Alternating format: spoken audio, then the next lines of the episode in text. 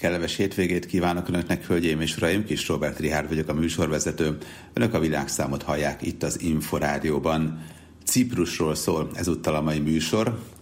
mert hogy a héten egy nagyon komoly bemutatón ismertették a turisztikai minisztérium elképzeléseit, már a Ciprusi turisztikai minisztériumét, ugyanis négy éve van ilyen is, a turisztikáért felelős politikus Szavasz Perdius elmondta, hogy ő egyébként a turizmus világából érkezett, és szinte mindenben van tapasztalata, ami a szállodaipar vagy a vendéglátás területén egyáltalán lehetséges. És az is érdekes volt, hogy elmondta, miként látják a ciprusi idegenforgalmi szakemberek egyáltalán az utazási jövőjét manapság, amikor túl vagyunk a koronavírus járványon, és itt van a nyakunkon az orosz-ukrán háború miatti rezsikrízis, plusz még az egyéb utazási válság, válság, hiszen utazni sem tudunk például, repülni sem tudunk olyan egyszerűen, hiszen le vannak zárva a légtérszakaszok. Oroszország felett például nem tudnak átrepülni azok a gépek, amelyek az Európai Unióból vagy akár az USA-ból indulnak, és sorolhatnám tovább. Úgyhogy nem egyszerű manapság. Mégis sorra vette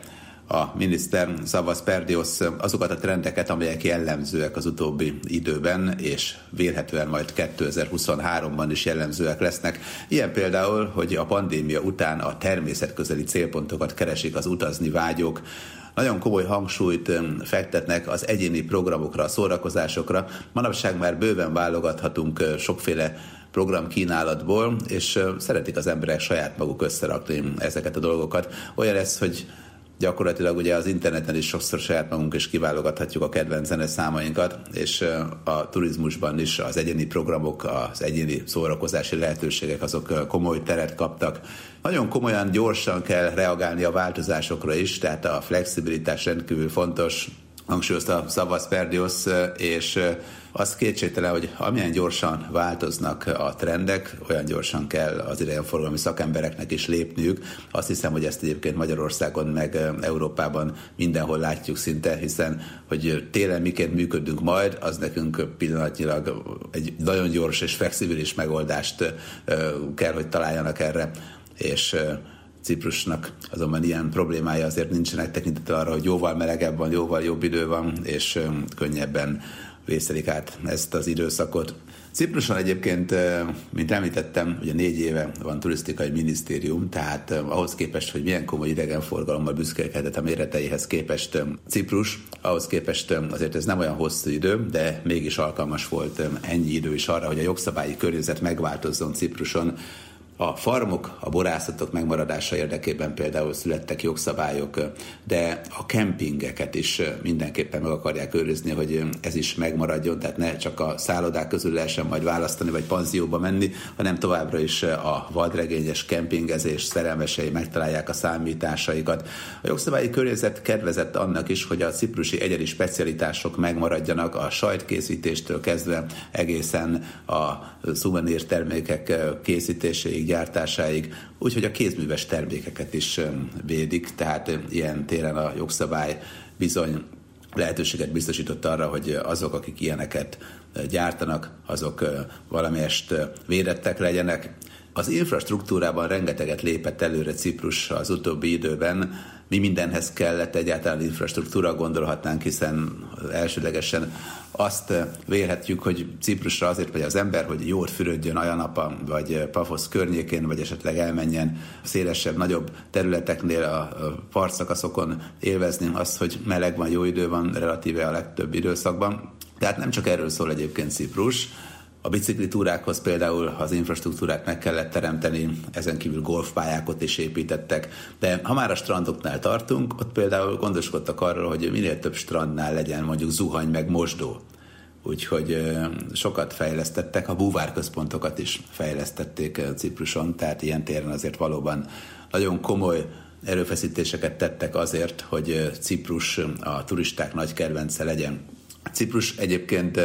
nem véletlen az, hogy a magyar piacon is most szerintem megpróbál minél komolyabb szeretet kiasítani magának, mert hogy azért az orosz turisták jelentős bevételi forrást jelentettek, amikor tudtak jönni, és most, hogy gyakorlatilag elmaradtak, azért ez nehézséget jelent. Hát emlékszem még, hogy volt olyan, hogy a ciprusi éttermek sokasága hirdette, hogy oroszul beszélő pincért azonnal felveszek, stb. stb. Minden esetre most a miniszter azt mondta, hogy hát Ciprus nem akar Velence vagy Barcelona lenni, és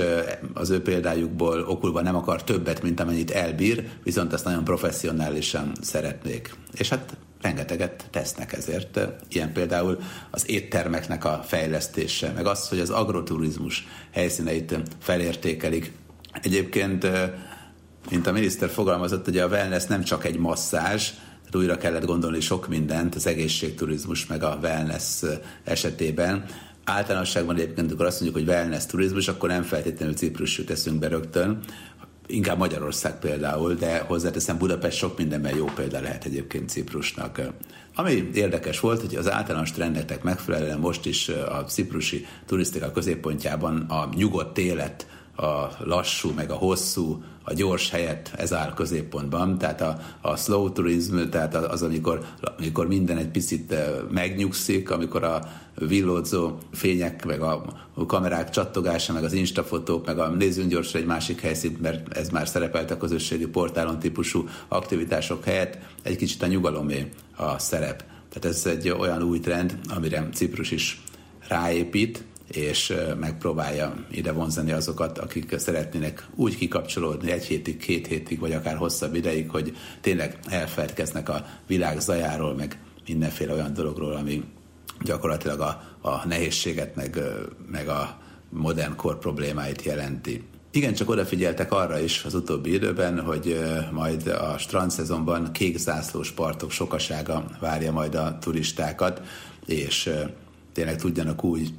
pihenni, hogy tiszta a víz, és valóban meseszép környezet várja az ide látogatókat.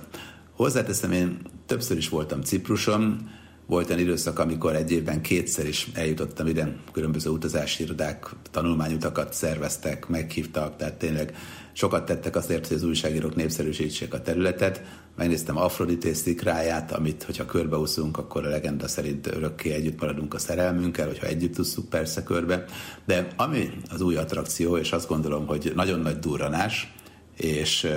valóban egy olyan dolog, ami az egyedülálló, legalábbis Amerikában láttam hasonló, de, de az sem teljesen ilyen, az az Ajanapai tenger alatti múzeum, mert hogy 8-10 méter mélyen egy tenger alatt 2021. augusztusában megnyílt egy múzeum,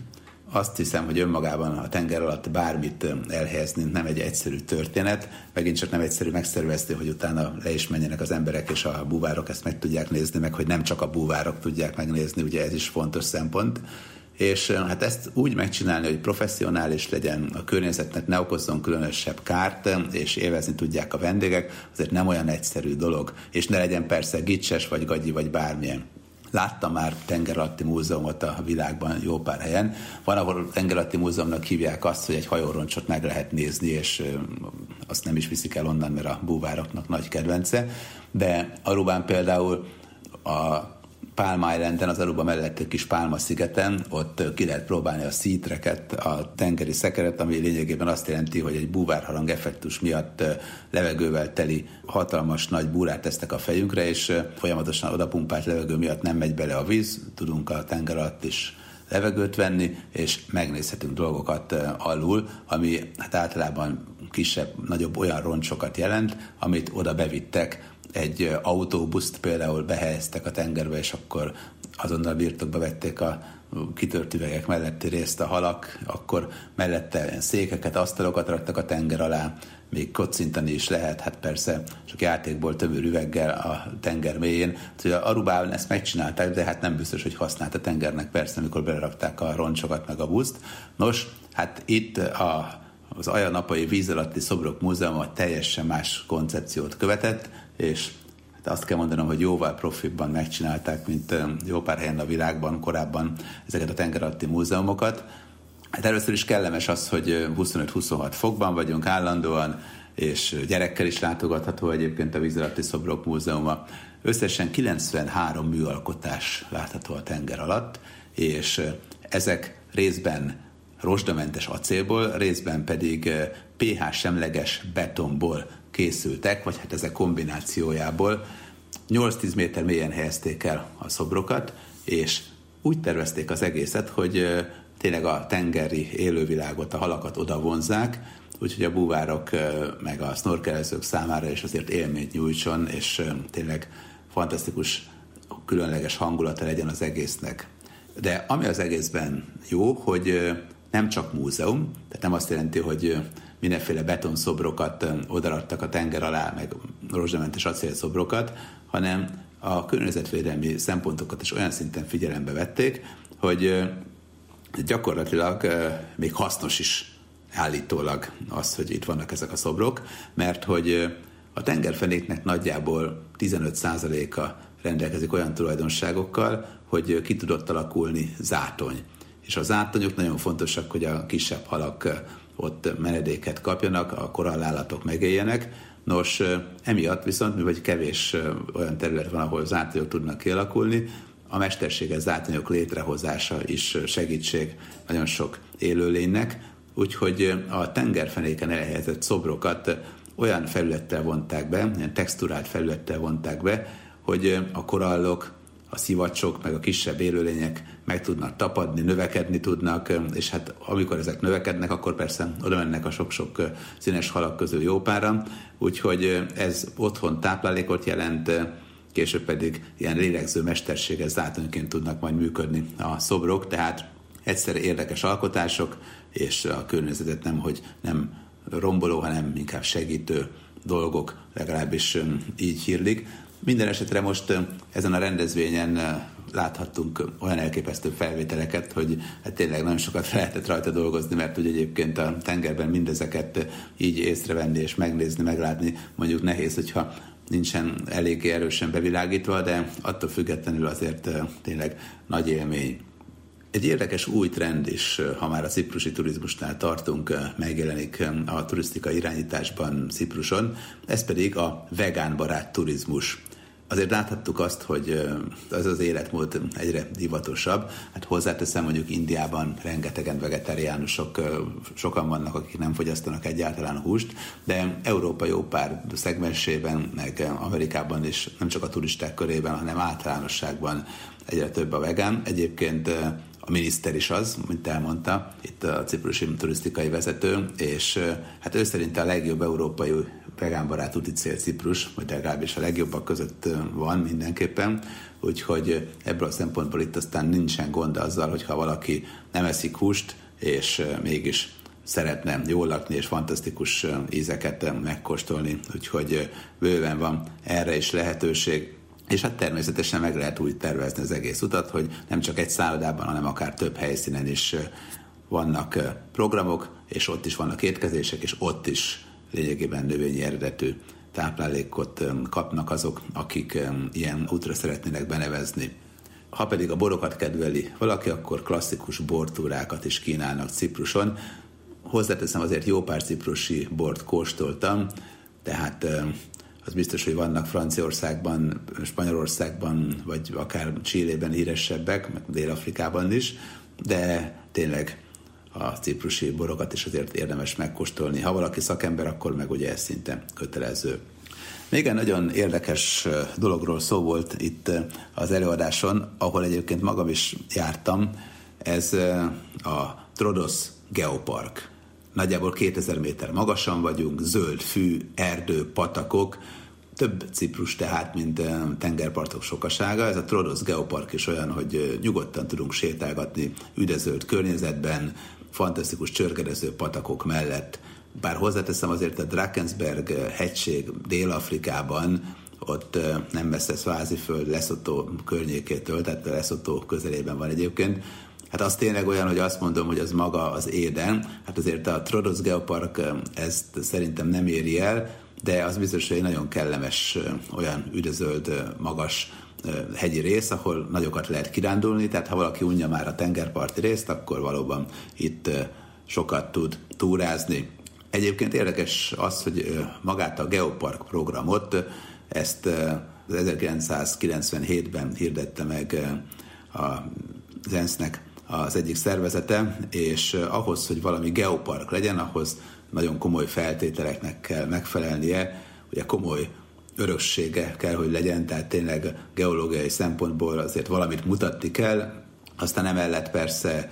a helyi lakosság bevonása is szükséges, hogy ők akarják egyáltalán, hogy az geopark legyen, meg a földtani értékeket meg is kell őrizni és védeni, tehát nyilván amik ott vannak, azok maradjanak minél hosszabb olyanban, olyan állapotban, mint amit a természet diktál, és hát fontos az, hogy geopark legyen, az is kell, hogy a nagy közönség meg is ismerje ezeket az értékeket, anélkül, hogy elpusztítaná ezeket, úgyhogy a geopark lényegében a fenntartható turizmus egyik alkotása, és az utóbbi időben egyre több geopark van, vagy egyre többen szeretnének geopark minősítést kapni szerte a világban. Hozzáteszem, az átlagos turista azért nem a geoparkba megy el, mondjuk olyan napánál ezt a tenger alatti csodát ezt sokan megnézik, de összességében, ha már valaki kirándul, akkor elmegy a falvakba, megkóstolja a finomságokat, majd erről is mesélek önöknek, hogy mik a ciprusi finomságok, és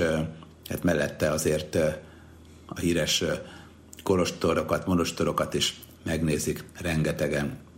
Érdekes volt az a mondás, hogy Cipruson szinte mindenki a turizmusból él, nem csak akik a tengerparton adnak ki házat, mert olyan nagy hatással van a helyi gazdaságra a turizmus, és hát emiatt rengeteg, rengeteg pénzt befektetnek azért, hogy például saját terméket állítsanak elő helyi ciprusiak, ezeket olyan szinten támogatják, hogy az a cél, hogy akárhova megy egy turista, autentikus termékekkel tudjon találkozni. És ami még meglepett, hogy a ciprusiak nem csak a tengerparti jó minőségű szállodákat, hanem a hegyi hoteleket is elkezdték fejleszteni. Tehát tényleg úgy gondolják, hogy érdemes azokat is komolyabban támogatni, mert hogy a túrázni vágyók azok majd oda mennek azokban az időszakokban, amikor egyébként a saját országukban jóval hidegebb van, itt viszont kellemes 23-25 fok, lehet, hogy a tengerben nem akarnak fürdeni, de a hegyi hotelekben eltöltenek kellemes időt, wellnesseznek, jól érzik magukat, utána elmennek egy bortúrára, és hát ebből is komoly bevételt lehetséges majd szerezni. Úgyhogy lényegében az a cél, hogy Ciprus teljes területét turisztikailag vonzó célponttá tegyék, ne csak a tengerparti szakaszt. Úgyhogy ez nagyon-nagyon komoly elképzelés. De ha már egyébként az élelmiszereknél tartunk, meg a geoparkoknál, akkor még néhány érdekesség. Ugye 90 millió évvel ezelőtt még víz alatt volt a mai Ciprus területe, vulkáni tevékenység következtében tűnt elő a tengerből, úgyhogy amikor valaki hegyi túrára indul, akkor sok-sok kagylót is találhat Egyébként nálunk Magyarországon is az észak-keleti területeken, az északi középhegységben jó pár helyen cápafogat is találtak, ugye régen a Panon tengernek volt a tengerpartja, és azt hitték sokáig, hogy ez madárnyelv, de hát cápafog volt valójában. Úgyhogy ez nem csak Cipruson, hanem nálunk is így van egyébként. A karácsonyra nagyon komolyan készülnek a ciprusiak, mert hogy mintegy két hónapig majd karácsonyi díszbe öltöztetve lesz jó pár bolt, jó pár üzlet, jó pár város, és hát nyilván azért nem egy Mikulás hangulat, ami Rovaniemiben, Finnországban várja a látogatókat, ugyanakkor, hogyha valaki nem havat akar, meg hideget, hanem jó időt, és mellette azért szeretne mégis karácsonyi hangulatot, na hát azoknak tökéletes ez a karácsony, az advent, amit Ciprus kínál a vendégeknek, a turistáknak. Tehát összességében azt kell mondanom, hogy a ciprusi turizmus megújulását talán leginkább az jelenti, hogy a Ciprus nem csak a nap és a tenger országa, úgy kívánják ezt igazolni, és sokkal több az, amit kínálnak a vendégeknek, azzal, hogy golfozhatnak, azzal, hogy hegyi túrákon vehetnek részt, a hegyi parkba, hegyi szállodákba elmehetnek, a bortúrákra mehetnek, a mezőgazdasági túrákat megnézhetik, hogy azok vajon milyenek, biciklizhetnek az új bicikli területeken, bicikli útvonalakon, szóval nem csak, hogy a nyári időszakban a különjáratú repülőgépek fogadása nem csak erről szól Ciprus, hanem megpróbálták kiszélesíteni azt az időszakot, amíg nagyon sokan jönnek ide a vendégek közülnek, hát a kínálatot is elég erősen fejlesztették, megőrizve persze azt, hogy minden lehetőleg autentikus legyen, és amikor valaki megkóstolja az ízeket, akkor azt mondják, hogy hát tényleg ez igazi ciprusi Hozzáteszem, én a ciprusi sajtot szeretem rendkívüli módon, én abból hoztam haza a legtöbbet. Tehát ugye van a klasszikus görögös feta sajt, de van a halumi sajt, ami Cipruson talán a legfinomabb, és ezt nagyon-nagyon jónak tartom, úgyhogy ebből Cipruson nagyon komoly készletet halmoztam fel, és aztán haza is hoztam, hogy elfogyasszam, de az biztos, hogy sok más különleges sajtjuk is van, hogyha valaki elmegy egy olyan üzembe, ahol sajtot készítenek, és hát van ilyen túra is egyébként, akkor a meleg sajt valószínűleg elomlik majd a szájában, és úgy érzi, hogy hát valami csoda történt. Szerintem ez komoly élmény, de természetesen a klasszikus görögös rablóhús is kapható rengeteg helyen, mellette a muszakát is speciálisan készítik, tehát a padlizsános, rakott krumpliszerű finomságot is egy kicsit megbolondítják. Úgyhogy összességében azért Ciprus és hát a ciprusi görög terület az mindenképpen gasztronómiailag is más, mint hogyha valaki mondjuk Aténban, vagy Korfun, vagy Krétán falatozik, és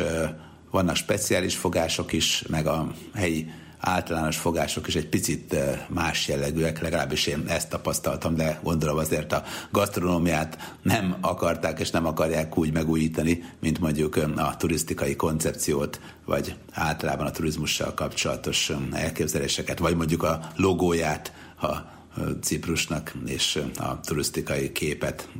ami a Ciprusról az emberekben él. Hölgyeim és uraim, önök a világszámot hallották itt az Inforádióban, az elmúlt fél órában elmentünk Ciprusra, megnéztük azt, hogy vajon mi mindent nyújt azoknak, akik ide látogatnak. Remélem, hogy legközelebb is velem tartanak majd Garai Bendegúr segítőtársam nevében. További kellemes hétvégét kívánok önöknek. Búcsúzik a műsorvezető Kis Robert Rihárd. Viszont hallásra!